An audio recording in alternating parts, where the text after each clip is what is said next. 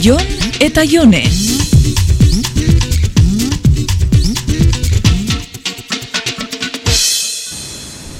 Ba, nahi badozu, afari mexikanoa ingenke gaur. Eh, Anderrekin gehatu naiz gaur gauean. Ah, bale.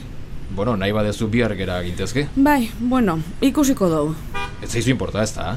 Zelan ba. importoko jataba.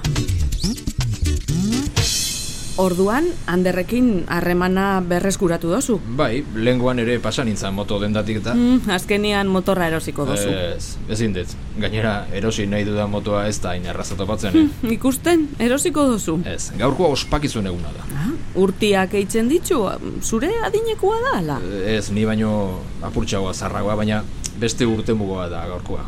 Gartzelatik atera zela, hogei urte ospatuko ditugu. Baina Ander kartzelan egon zan? Bai, hogei urterekin sartu zuten barrura.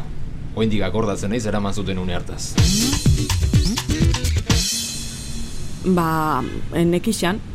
Ta gainera ez dakit, ez do sekula politikaz berbaitzen entzun, eta ez do sekula inungo karteletan ero ikusi. Ez, ez delako segula inongo karteletan azaldu. Hm? Zelan ba?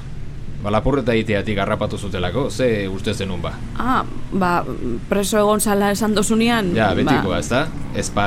Hemen ere jendea preso sartzen dute beste kontu batzuengatik, eh? Ander kotxe bat lapurtzegatik sartu zuten azkenean, baina aurretik karrera eharra zeraman.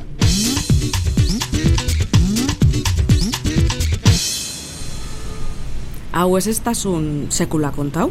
Ez delako komentatzen den gauza hoietakoa.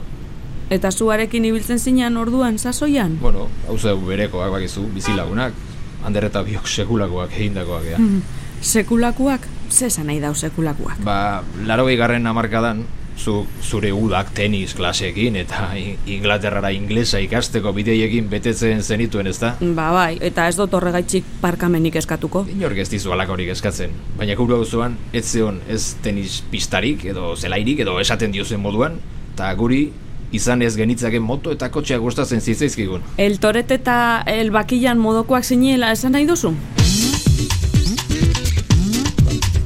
Alkarrekin ibili ginean, ez estasun sekula SB esan? Bueno, gehiegi ere ez zenuen galdetzen, baina normala da, elkarrekin bizi ginenean etorkizunari begiratzen genion. Ah, ta oinez? Igual bai, baina honezkero gure iraganaren pisua ondigia da atzera ez begiratzeko. Hmm, Paulo Coelho berriro? Ia, ta ze plan dakazue gaur gaberako ba? Boa, ez dakigu. Garai batean bezala planik gabeateako bea. Bueno, baina zeo zer egingo zen duen berba. Ez, ez, ez dakit ze ingo deu. Ta ez dakit gainean derrek ere zer rolloa daraman gaur egun. Puh, ze, garai hartan, boa. Hmm, asko desfasatzen zeban.